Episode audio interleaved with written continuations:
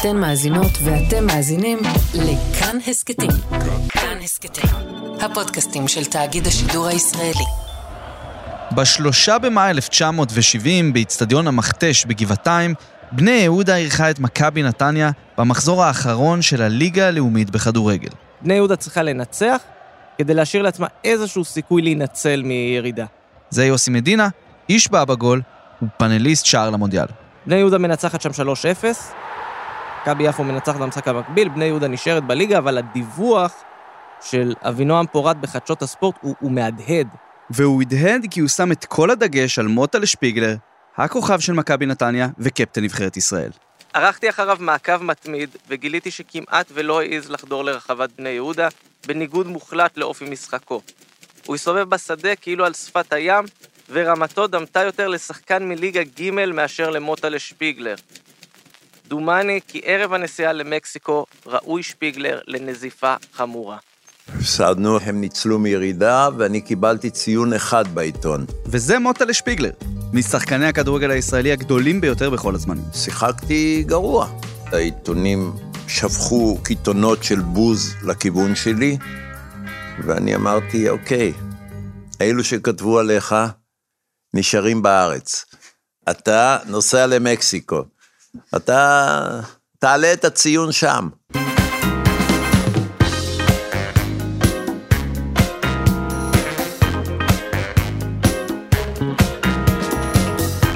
שלום, אני אורי לוי ואתם על שער למונדיאל של כאן הסכתים ואתר בבגול, והפעם אנחנו עם פרק מיוחד לכבוד יום העצמאות ה-74 של מדינת ישראל. אנחנו חוזרים 52 שנים אחורה, כדי לחיות מחדש את מונדיאל 1970 האגדי של נבחרת ישראל. ביגלר! עשה את זה! יופי!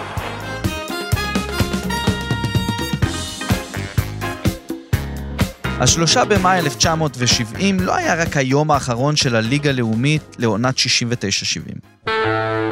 Spirit in the Sky של נורמן גרינבאום כבש את מצעד הפזמונים הבריטי, צינור הנפט הטרנס-ערבי מסעודיה ללבנון התפוצץ, ומחירי הנפט בכל העולם זינקו לשמיים.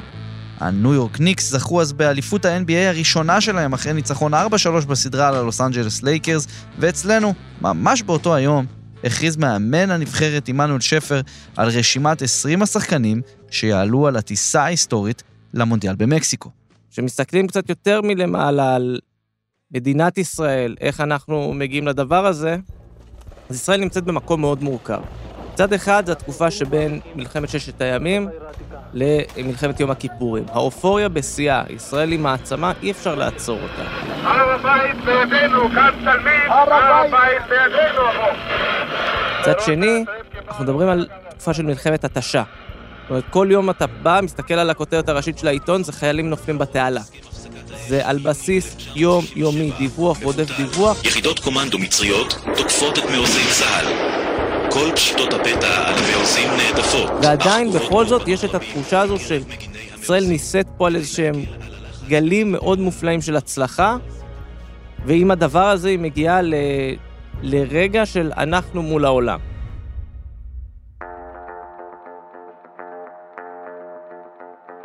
באותם ימים נבחרת ישראל היא ספינת הדגל הספורטיבית של המדינה הצעירה שהיינו.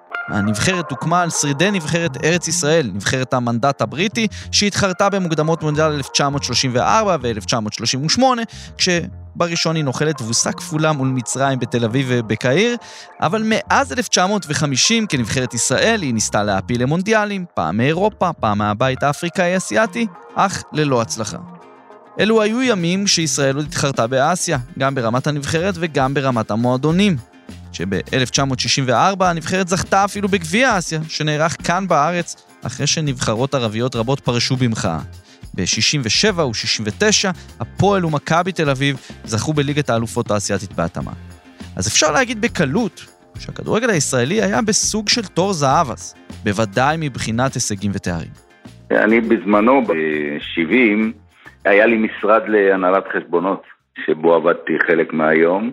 זה גיורא שפיגל, מהענקים של הכדורגל הישראלי אז ועד היום. ובמקביל לזה שהיה הכוכב של מכבי תל אביב, הייתה לו עוד עבודה ועוד עיסוקים. והייתי גם סטודנט לכלכלה באוניברסיטת תל אביב באותה עת. כן, בתקופה ההיא, כוכבי העל של הכדורגל הישראלי, שחקני הנבחרת, לא היו מקצוענים, הם היו חובבים. היו כאלה שעבדו בדואר, אחרים בעירייה, ועוד כל מיני דברים כאלה.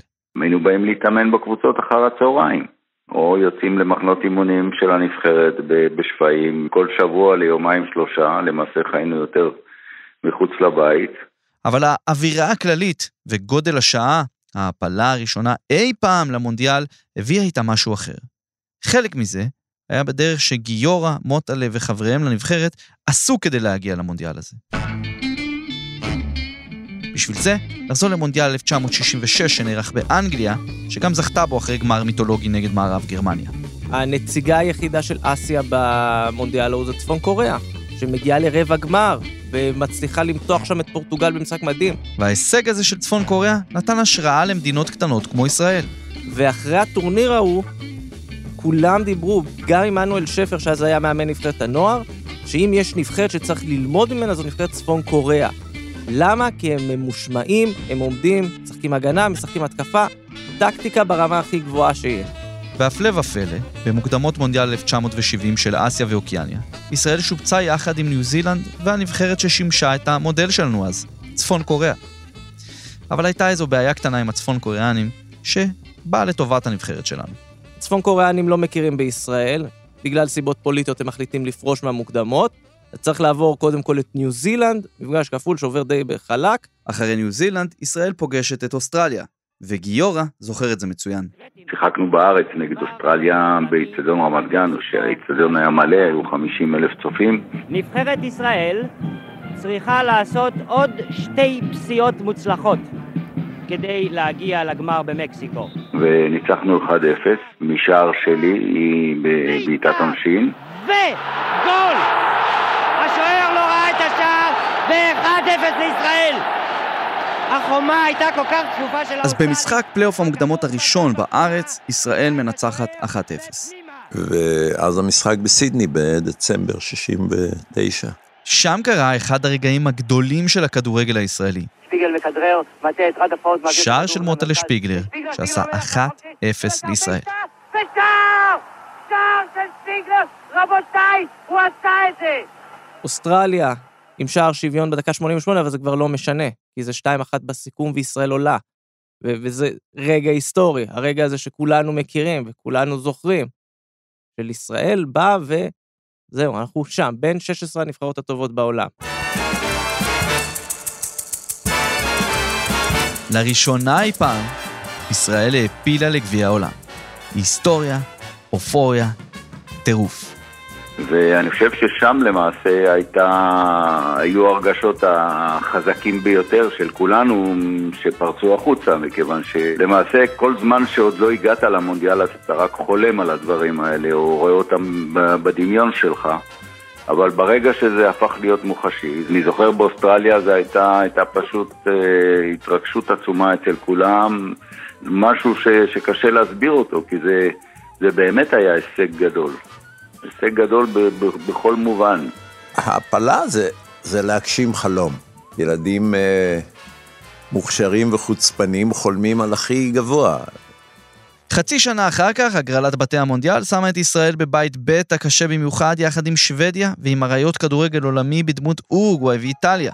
והילדים המוכשרים והחוצפנים של עמנואל שפר התכוננו ליציאה למחנה האימונים לקראת המונדיאל הראשון, והיחיד עד כה, של המדינה שלנו.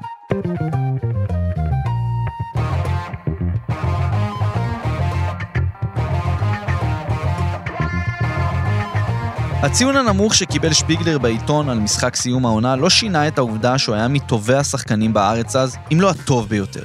וככזה, היו סביב הכוכב הגדול של הכדורגל הישראלי אז שלל עניינים. כן צריך להגיד שבאותם ימים מסתובבים בנתניה נציגים של נאנט, שרוצים להחתים אותו, ומתנהל שם ברקע איזשהו משא ומתן לגבי האפשרות שלו לעבור לצרפת. הציעו לו לבוא להתרשמות, שם הוא הרשים. נפתח משא ומתן על חוזה לחמש שנים, אבל אז, בימים ההם, שחקנים, גם חובבנים, היו רכוש של המועדון, ובעצם היו מחויבים בשנת הסגר לפני שהיו עוברים לחו"ל. שפיגלר, שהיה אחרי עונה סוערת ולא מזהירה בנתניה, ויתר על התענוג. אבל לשמועות ומשא ומתן בצד, הייתה התרגשות. התרגשות של הליכה אל הלא נודע. כל ההכנות וכל האימונים וכל המחשבה על הנבחרות שהתמודדו נגדנו, ולמעשה זה היה די בלתי נודע, מכיוון שבזמנו לא, לא ראינו כל כך הרבה כדורגל בטלוויזיה, כי אני חושב שהטלוויזיה הייתה אז בחיתוליה, ולא לא יכולנו לראות את הקבוצות שנגדן אה, נתמודד. היום כולם רואים את כולם בכל רגע נתון. אבל אז זה היה מין נעלם, שאמרנו נבוא לשם ונראה מה קורה. ואלה שמות. יצחק ויסוקר, השוער של הפועל פתח תקווה, בהגנה שרגא בר ממכבי נתניה, צביקה רוזן ממכבי תל אביב, יוחנן וולך מהפועל חיפה וישעיהו שווגר ממכבי חיפה. בקישור בלטו אז דוד פרימו מהפועל תל אביב ומנחם בלו ממכבי, כשלצידם יצחק שום מהפועל כפר סבא, הצלע הנוספת לשלושת השינים שום שפיגל ושפיגלר, ובחוד, שיה פייגנבוים הגדול מהפועל תל אביב.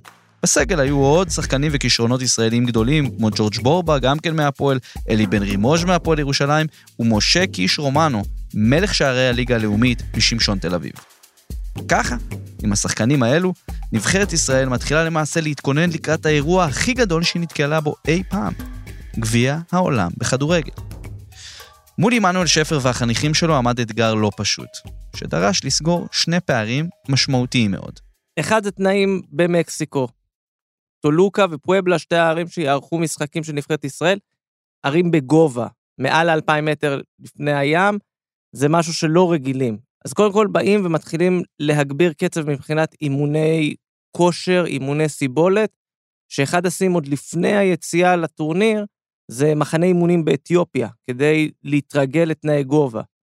הדבר השני, זה העובדה שהשחקנים חובבנים, והם הולכים להיפגש עם צמרת הכדורגל המקצועני, אם זה איטליה ואם זה אורוגוואי, וגם נבחרת שוודיה מגיעה בדיווחים זה שישה, שבעה מקצוענים, כלומר, יש פה פער עצום בין הנבחרות. אז מה עשו? איך התכוננו? זה מתחיל ממחנות אימונים על בסיס שבועי במכון ווינגייט. באים, השחקנים מתכנסים, אה, אחת האגדות האורבניות סביב הנבחרת באותם ימים, אומרת שעמנואל שפר פעם בא לשחקנים ואמר, אתם תתאמנו פעמיים. השחקנים שאלו אותו באיזה ימים, אז הוא אמר כל יום. ובשביל ההכנה האמיתית, הנבחרת טסה לארצות הברית. כמו שאמרנו, צריך להתרגל לתנאי גובה, אז יוצאים למחנה אימונים בקולורדו, עוד מקום מספיק בגובה בשביל להתחיל להתרגל. אל הנבחרת מצטרף מישהו שגם ליווה אותם עוד בשלב קצת יותר מוקדם, סגן אלוף עמוס בר חמה, קצין כושר קרבי מצה"ל שמצטרף לנבחרת. מה שהוא עשה אז זה מה שהיום הצ'יפים והחזיות האלה, הוא עושה ידנית. כשתקשורת זרה הסתכלה על זה מהצד, אז נדבקו כל מיני אגדות שהוא מלמד אותם יותר ללכת מכות וקרב מגע. ולא, ריצות ואימונים על סיבולת ודברים כאלה, ומדי פעם הוא היה שואל את השחקנים אם הם חושבים שהם מיצו את הפוטנציאל, לא מיצו את הפוטנציאל. והמעורבות שלו בדבר הזה גם שחררה קצת מהשחקנים. השחקנים באו ואמרו לפעמים, כן הוצאתי מעצמי, לא הוצאתי מעצמי, כלומר, כן הייתה פה איזושהי דינמיקה של כנות מצד השחקנים, כי הם מאוד היו חדורי מטרה לתוך הסיפור הזה. ובנוסף לבר חמא, למסע הזה הצטרף לראשונה בתולדות הכדורגל הישראלי, גם פסיכולוג. דוקטור אריה נשר, פסיכולוג, הוא היה אז בשליחות בארצות הברית, מצטרף, מלווה את הנבחרת, זה, תחשוב, אנחנו מדברים על שנות ה-70. אנחנו מקליטים את הפרק הזה ב-2022 ואנשים עדיין לא מבינים למה צריך פסיכולוג בנבחרת. כיום אנחנו יודעים שפסיכולוגיה הוא מרכיב מאוד מאוד חשוב בכדורגל המודרני. אבל אז הוא גם היה חשוב, אבל פשוט לא, לא נתנו עליו את הדעת, כי אנחנו מה, לא, לא שיחקנו עבור כסף או עבור פרסום, שיחקנו כי אהבנו את המשחק. אז אה, זה שהביאו לנו אנשי מקצוע נוספים, זה, זה בהחלט שיפר אותנו, כי אתה מגלה לאט לאט את כל המצוקות שיש אה, לשחקני כדורגל אה, במשחק עצמו, לפני המשחק ואחרי המשחק, והיחס והקשר עם המועדון והיחס ל, ל, לתקשורת והדברים האלה שפעם היו דברים שלא לא הבנו אותם ולא שמענו עליהם, זה בהחלט היה חידוש לפני הגביע העולמי ואני מניח שזה מאוד עזר. ואילו קשיים ומצוקות יש לכדורגלן שמתכונן למונדיאל הראשון של המדינה שלו? ראשית, יש חשש מ- מלקבל תבוסות. כי אתה אומר, אתה, אנחנו קבוצה מישראל, נבחרת מישראל, קטנה, לא מפורסמת, לא ידועה, פתאום אתה מגיע ואתה משחק נגד אה, שחקנים כמו ריבה, ריברה, מצולה, ש... שמות ש... שיש צמרמורת בגוף רק מלהזכיר אותם, את הכוכבים הגדולים האלה. ואתה אומר, אוי ואבוי, מה יקרה לנו שם? יש פחדים, כמובן, מתוצאות לא, לא מחמיאות. יש גם רצון להוכיח שלמרות שאנחנו נחשבים פחות טובים, אנחנו עדיין שחקנים טובים מסוגלים לתת. זה דבר שכשלעצמו יכול לגרום לירידה ביכולת, רק החשש הזה של מה יגידו, מה יקרה, מה יכתבו עליי, האם יכתבו עלינו בעולם, אה, האם העיתונות שלנו תהיה סבלנית או לא, יש המון חששות אה, לשחקני כדורגל. אבל זה חלק מה, מהגדולה קצת של עמנואל שפר, של איך הוא ראה את זה. עמנואל שפר קצת התחנך על השיטות והדוקטרינות הגרמניות מבחינת אימון. הוא עשה המון קורסים גם בגרמניה. אז היה בו משהו של להעלות רמה, והוא מאוד אהב את בורוסיה מינשנגלדבך שהייתה מאוד חזקה באותה תקופה, והיה בקשר עם המון מאמנים. הוא ניסה לבוא ולקחת את הסטנדרטים המקצוענים באמת הכי גבוהים שיכולים להיות, בסקאלה שלנו, שהיא לא, לא הכי גבוהה, ולשדרג את אותם שחקנים, לבוא ולסגור פער כמה שיותר מהר וכמה שיותר איכותי. ואפרופו בורוסיה מינשן גלדבך, בפברואר 1970, בחורף שלפני המונדיאל ישראל, קיימה משחק ידידות מולה. בפעם הראשונה מאז מלחמת העולם השנייה והשואה, שקבוצה גרמנית משחקת בארץ. למשחק הזה אפשר לשמוע בהרחבה בפודקאסט לך תזכור של עקיבא נוביק, פה אצלנו בכאן נסכתים, אבל מה שעוד הוציאו מהמשחק הזה, הוא סרטון תדמית לנבחרת ישראל לקראת המונדיאל. מי שערך את הסרטון הזה זה דן שילון, ובאחת הכתבות לפני אומרים שאם היריבות של ישראל יראו את הסרטון, הם ייכנסו להלם. כי רואים שם את גיורא שפיגל פורץ בסערה לאורך המגרש, משהו שנראה באמת מדהים. תכלס כל מה שקרה שם זה שיש שם טריק של העריכה, לקחו קטע מפה, קטע מפה, קטע מפה, חיברו וזה פתאום נראה ששפיגל פורץ שם. לי, האמת שאין לי מושג, אני לא זוכר. אני זוכר את, כמובן את המשחק נגד, אה, נגד מישן גלדבך, שהתוצאה בו לא כל כך החמיאה לנו. התוצאה הייתה 6-0 לגרמנים. אבל uh, לגבי uh, סרטון תדמית, ייתכן, ייתכן. אני חושב שזה בהחלט uh, משהו שיכול היה לקרות, כי כמו שאמרתי, אנחנו העולם לא הכיר אותנו כ- כמעצמת כדורגל, ואנחנו mm-hmm. למעשה לא הכרנו את הכדורגל בעולם, מעבר לזה ששמענו ומדי פעם היינו רואים בגניבה ב-BBC מקפריסין או משהו, איזה משחקים של ליגה אנגלית, אבל לא ממש ידענו מה קורה בכדורגל העולמי. ובארצות הברית החבר'ה עבדו. עבדו קשה מאוד. שפר מנסה כל מיני הרכבים, כל מיני מערכים, הוא מנסה למצוא את הפתרון של איך להעמיד את השחקנים. שם פחות או יותר מתחיל להתקבע השילוב הזה, שפיגלר, שפיגל, שום, החלק הקדמי המאוד אה, יוצא דופן הזה, מתחיל להתקבע. האווירה במחנה בארצות הברית התאפיינה במשטר אימונים ותזונה קפדני ביותר. הדיווח שם של אה, אחד הכתבים שליווה את הנבחרת, הוא מספר שם שהשחקנים פשוט הולכים לישון גמורים. כאילו, אין להם כוחות להסתובב או לטייל או לראות את העיר, כי הם פשוט כל כך סוחטים את עצמם, שזה הרגע. והמצב הזה יצר מתיחויות. אחד הסיפורים המעניינים, סיפר אה, יוחנן וולך בריאיון לפני כמה שנים, הוא מספר שעמנואל שפר לא רק שהוא היה פדנט באימון ובכושר, זה היה ברמה של מה הם אוכלים. והוא מספר שבתוך הנבחרת היה ממש מין ויכוח כזה כל הזמן, מי יישב הכי רחוק מעמנואל שפר ב... כשאוכלים צהריים, כי אם לא, הוא מתחיל לספור לח... לעיסות. וככה, עם קצין כושר קרבי, פסיכולוג וסרטון תדמית, כשהמאמן שפר סופר לשחקנים לעיסות ומשחקים מול כל מיני קבוצות חובבים מקולורדו, נבחרת ישראל נסעה למקסיקו להמשך ההכנה ולהשתתף במונדיאל.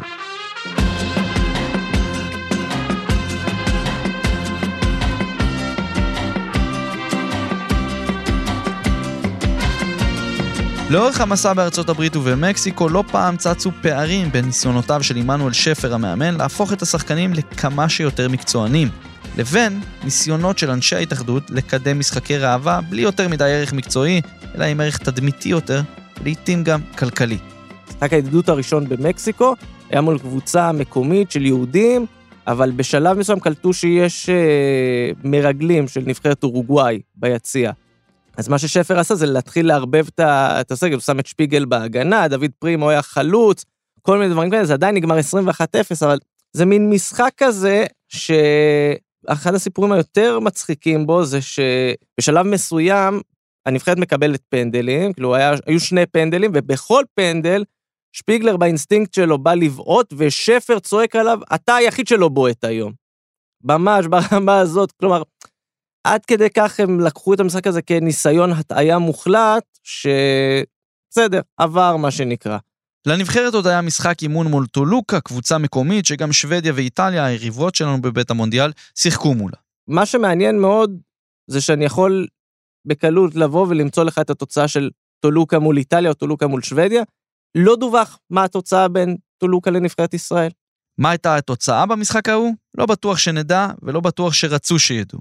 אגב, זו לא תהיה הפעם היחידה שאופן הדיווחים והתקשורת של העולם ההוא, שלפני 50 שנה ויותר, ישפיע על איך שאנחנו זוכרים את הסיפור הזה היום.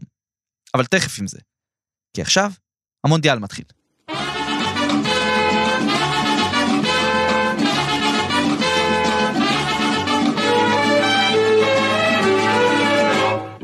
המשחק הראשון של ישראל במונדיאל זימן לה את אורוגוואי, אלופת העולם ב-1930 וב-1950. קודם כל, לפני המשחק, יש ספק גם לגבי גיורא שפיגל וגם לגבי מוטלה שפיגלר. שניהם אה, קיבלו קלקול קיבה קצת אחרי מקסיקו, שניהם נעדרו מטקס הפתיחה, בסוף שניהם התאוששו וחזרו. אני לא זוכר שאני חטפתי קלקול קיבה וצריך לשאול את מוטלה אם הוא זוכר על עצמו. המצאות. איזה, איזה רופא אמר לך את זה? זה מה שדווח, אני רק מצטט, אני לא הייתי שם. והדיווחים האלו היו דיווחים אמיתיים מהתקשורת של אותם ימים. אבל בין אם הסיפור נכון או לא, בהחלט נרשמה התרגשות לקראת המשחק הראשון. לומר את האמת, הגענו למשחק הראשון מאוד לא מוכנים מבחינה התפיסה, מה זה משחק בגביע העולמי.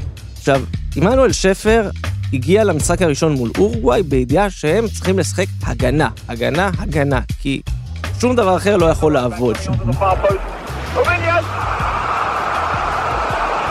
והמשחק הזה הראה את הפערים הידועים. ישראל לא עמדה בקצב. זה היה כנראה מידה גדולה מדי. ראית גברת יפה שהולכת עם שמלה של הבת שלה, זה לא מסתדר לה. ואנחנו היינו צעירים, והלבישו אותנו עם בגדים גדולים, ואורוגוואי היו טובים יותר. אורוגוואי ניצחו 2-0. חשבנו שזה יהיה משחק ונוכל להתמודד איתם, אבל זה היה אחד המשחקים היותר חלשים שלנו, מכיוון שפשוט לא, לא הבנו שכמה קבוצה ממול יכלה להיות אגרסיבית, ופשוט לא, לא הצלחנו לעשות uh, את המשחק הזה יותר קל עבורנו, בכך שנשתמש בכוח שלנו, והכוח שלנו היה הטכניקה של השחקנים וחוכמת המשחק שלנו. והם היו מאוד אגרסיביים, אני זוכר שהם בעטו ברגליים ממש, ממש חזק, אה, תיקלו אותנו ממש בצורה חזקה, ו- וזה למעשה, לדעתי, זה המשחק שהכניס אותנו לעמוד הזה של מה זה גביע עולמי, שאתה אומר, אוקיי, פה אתה צריך לתת מעל ומעבר למה שנתת, זה לא מספיק. החובבנות שלנו פה לא מספיקה, צריך לעלות בדרגה, ואני חושב שזה מה שנתן לנו את הדחיפה למשחקים הבאים.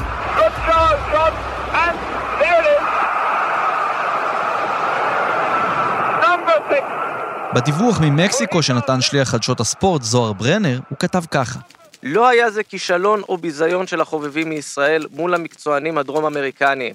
הפער האיכותי, הברור והידוע לכל בין ישראל לאורוגוואי, לא אפשר לנו לכבוש את הכותרות, פשוט, חד וחלק. ועם המסקנות האלו והסיקור האוהד יחסית, נבחרת ישראל התחילה להתכונן למשחק השני בטורניר מול שוודיה.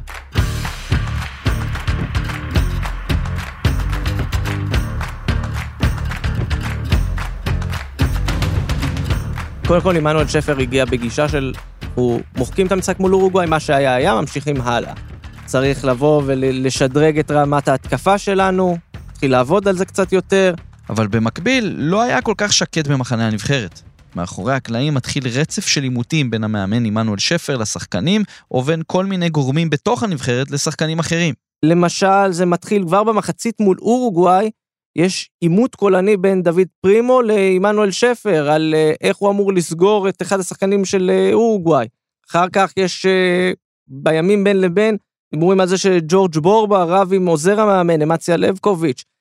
התנצלויות מפה ועד עוד החדשה. דוקטור אריה נשר, הפסיכולוג, עובד שעות נוספות שם באמת כדי ליישר את ההדורים בין כולם. פשוט אין מה לעשות, יש פה עכשיו משחק די גורלי, די משמעותי מול שוודיה, ורוצים לעשות את זה. ואיך אפשר בלי קצת שמוזינג יהודי בחו"ל? יש גם עסקנות מאחורי הקלעים, ולא מעט. אז למשל, אה, יהודי מקסיקו סיטי מקימים אה, קרן של 30 אלף דולר, שכל שחקן יקבל מענק של 200 דולר אם מנצחים את שוודיה.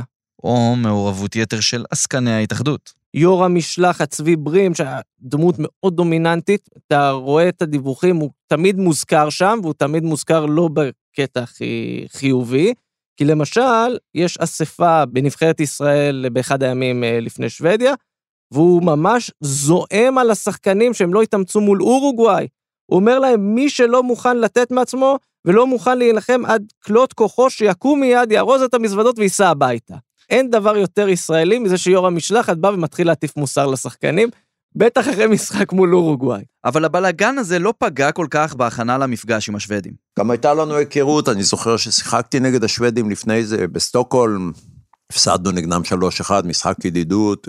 כן, זה היה משחק שבו הצלחנו לבטא את היכולות שלנו. ואז הגיע זמן המשחק. ה-7 ביוני 1970, אצטדיון נמסיו דיאס בטולוקה, לעיני 9,624 צופים, ישראל נגד שוודיה יצא לדרך. אין לך משחק בגדול, איטי ואגרסיבי מאוד. כלומר, רמת אגרסיביות מאוד מאוד גדולה משני הצדדים. אנחנו לא, לא התגוננו במשחק הזה, אבל, אבל ההגנה שלנו הייתה ממש טובה, מוצלחת ואגרסיבית. וגם השוודים היו אגרסיביים, היה משחק יחסית אגרסיבית, אבל אנחנו כבר למדנו הרבה יותר. עד כמה שאני זוכר, היה משחק יחסית די שקול. הוא היה שקול עד הדקה ה-53, אז תום אולוב טורסון הבקיע עבור שוודיה את ה-1-0. כל צד מנסה קצת לערער את הביטחון אה, של השני, ואז מגיע הרגע, את הכדור לא מצא ספיגלר, 20 מטר מטר, בעיטה, שער! ספיגלר! עשה את זה! יופי! איזה שער! לראשונה בהיסטוריה, שער לישראל במונדיאל. איך מתארים שער? אני אעשה את זה הכי פשוט. בעיטה מצוינת של מוטלה מ-20 מטר, שער נפלא. ומיד אחריו מוטלה שפיגלר חגג כשהוא צועד עם היד למעלה.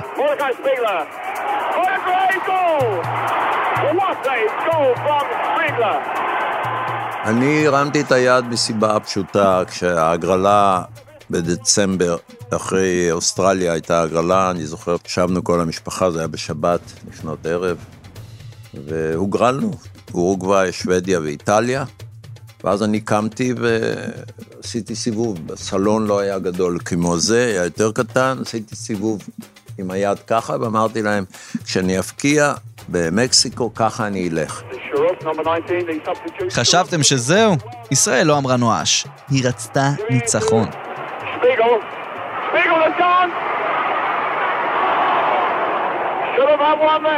היה לנו סיכוי לנצח את המשחק, ואני עוד זוכר שאני בדקה ה-90 בעטתי לשער, כמעט עשיתי 2-1, והכדור שפשף את העמוד אה, מהצד החיצוני שלו, כך שבהחלט אה, היינו קבוצה ראויה גם לנצח את המשחק הזה.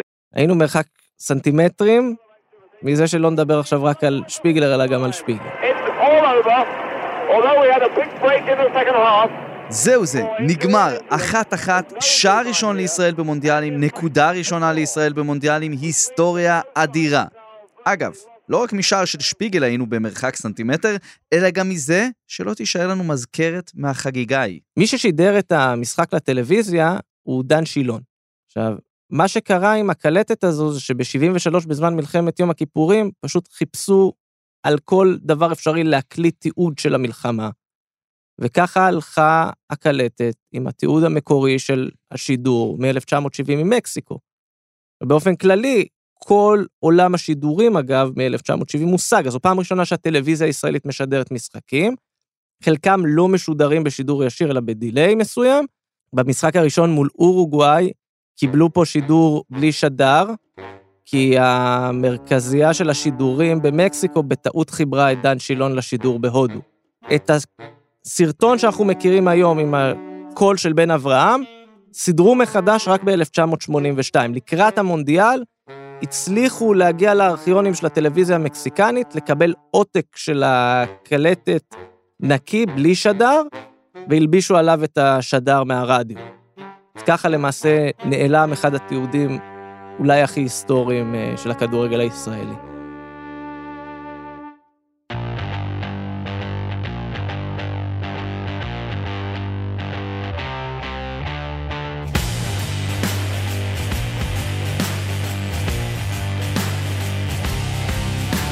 למחרת בבוקר התחילו לזרום התגובות. ובאמת כולם מדברים על, ה- על ההישג הזה, ההישג המפואר. למרבה התימהון הוא משאיר סיכוי תיאורטי בידי ישראל המפחידה במרכאות, באפשרות של כניסה לרבע הגמר, כי מי אנחנו אם לא תנו לנו את המחשבונים ולחשב מה אנחנו צריכים. בשביל זה הם צריכים לנצח את איטליה, אבל לא משנה. אגב, לא רק לנצח את איטליה, הם צריכים לנצח את איטליה בהפרש של שניים, כדי לעלות. והיו גם קריקטורות. הקריקטורה בעיניי הכי גדולה שהייתה, מתפרסמת בעיתון שוויצרי, של איך הם מתארים את שחקני נבחרת ישראל, אז רואים חבורה של שחקנים עם חולצות לבנות ומגן דוד על החולצה, ולכולם, בלי יוצא מן הכלל, רתיעה על העין. כי מה לעשות, כמו שאמרנו, הוא אחרי ששת הימים, ישראל יש לה דימוי מאוד מלחמתי בעולם, וכולם, ברגע שהם נלחמים על המגרש, הם משה דיין. שחקנים כלוחמים עם רטיות ומגני דוד. אופוריה וגאווה פטריוטית ולאומית שאנחנו מכירים כיום רק אולי בזכייה במנטליות באולימפיאדה, או כששיר ישראלי זוכה באירוויזיון. אולי. ועדיין, נשאר משחק אחרון מול ענקית עולמית אמיתית. איטליה, אלופת עולם לשעבר, כשברקע מתחילה לבעבע איזושהי רעידת אדמה בתוך המחנה של הנבחרת. עמנואל שפר, שכבר הזכרנו, החזיק ביחסים בעייתיים עם חלק מהשחקנים ועם אנשי ההתאחדות, מאיים לעזוב את מחנה הנבחרת. מה קרה? שפר מתקשר הביתה לאחל מזל טוב לאשתו לרגל יום ההולדת, והיא מספרת לו שבעיתונות המקומית בישראל מדווחים שההתאחדות הולכת לפטר אותו בסוף הטורניר. יש גם אפילו שם שמוזכר, שם מאוד אה, שאפתני, וולטר ווינטרבוטום, שאימן את נבחרת אנגליה במונדיאל 66. בסוף מתברר שווינטרבוטום מגיע בכלל להעביר איזושהי הרצאה בקורס מאמנים, אבל כן יש את התחושה הלא נעימה בין שפר להנהלת הנבחרת.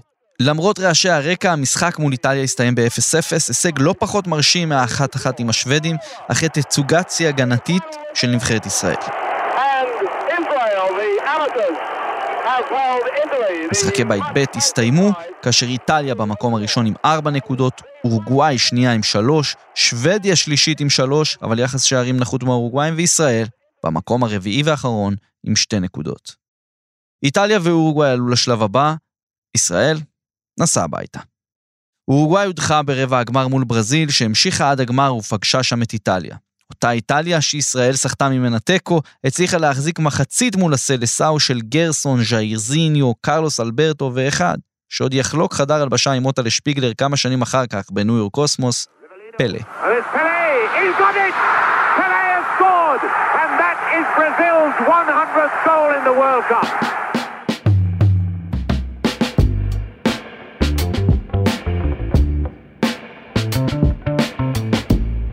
אחרי אותו מונדיאל, חלק מהגיבורים של 1970 עוד נשארו במרכז העניינים, וחלקם הלכו ובאו, חלקם נעלמו.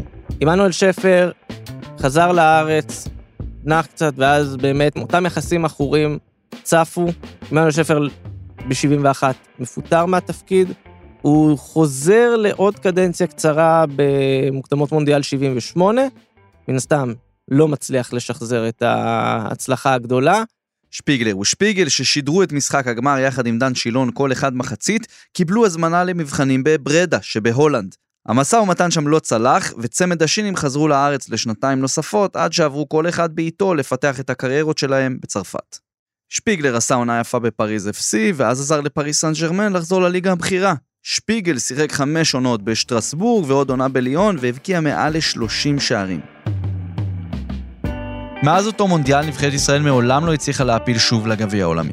למרות הישגים יפים במשחקי אסיה באמצע אותו עשור, ב-1974 הגיע החרם הגדול של מדינות ערב, ובעשור הבא הנבחרת עברה להתחרות באוקיאניה, מאוחר יותר באירופה, כשסיכויי ההעפלה למונדיאל רק הלכו והצטמצמו. והיום, במבט לאחור של 52 שנים, מה זה היה הרגע הזה בעצם? השער הזה, המונדיאל הזה. יכול להיות שאם אותו שער בודד היה מגיע לצורך העניין בכל מונדיאל אחר, יכול להיות שהוא היה מקבל טיפה פחות נפח, בגלל המקום שהיינו בו, כמדינה, כחברה. אנחנו שוב פעם, הייתה מלחמת התשה, חיילים נהרגו פה כל יום, וזה היה כאילו, אנחנו פה הבלתי מנוצחים, הכי חזקים שיש. אז הייתה פה מין גישה כזו שמדינת ישראל מול העולם, ויכולה לעמוד מול העולם. זה, זה הרגעים האלה שבהם המדינה הקטנה מרגישה שהיא יכולה לעמוד שווה בשווה מול כל אחד, כולל מול סגנית אלופת העולם העתידית. בסוף, אי אפשר להפריד את השער הזה מ-1970 מאיפה שהייתה ישראל בשנת 1970. אי אפשר להפריד את הסיפור הזה מאיך שהמדינה הצעירה הזאת תפסה את עצמה בימים האלה. עם כל האופוריה, המצב הביטחוני והפוליטי-חברתי ששרר פה, וכן, גם עם מצב הכדורגל פה, שהיה אז חובבני לחלוטין. הייתה חוויה מרגשת, אה, הייתה חוויה שלימדה אותנו הרבה על הדברים ש- שאנחנו מסוגלים לעשות, ושהשפיעה גם על העתיד שלנו ככדורגלנים. אנחנו היינו שותפים לחגיגה הזאת. זה פסגה, זה... אחר כך אתה חוזר, אתה משחק נגד שמשון תל אביב, ונגד אה, בית"ר ירושלים, וחיים נמשכים.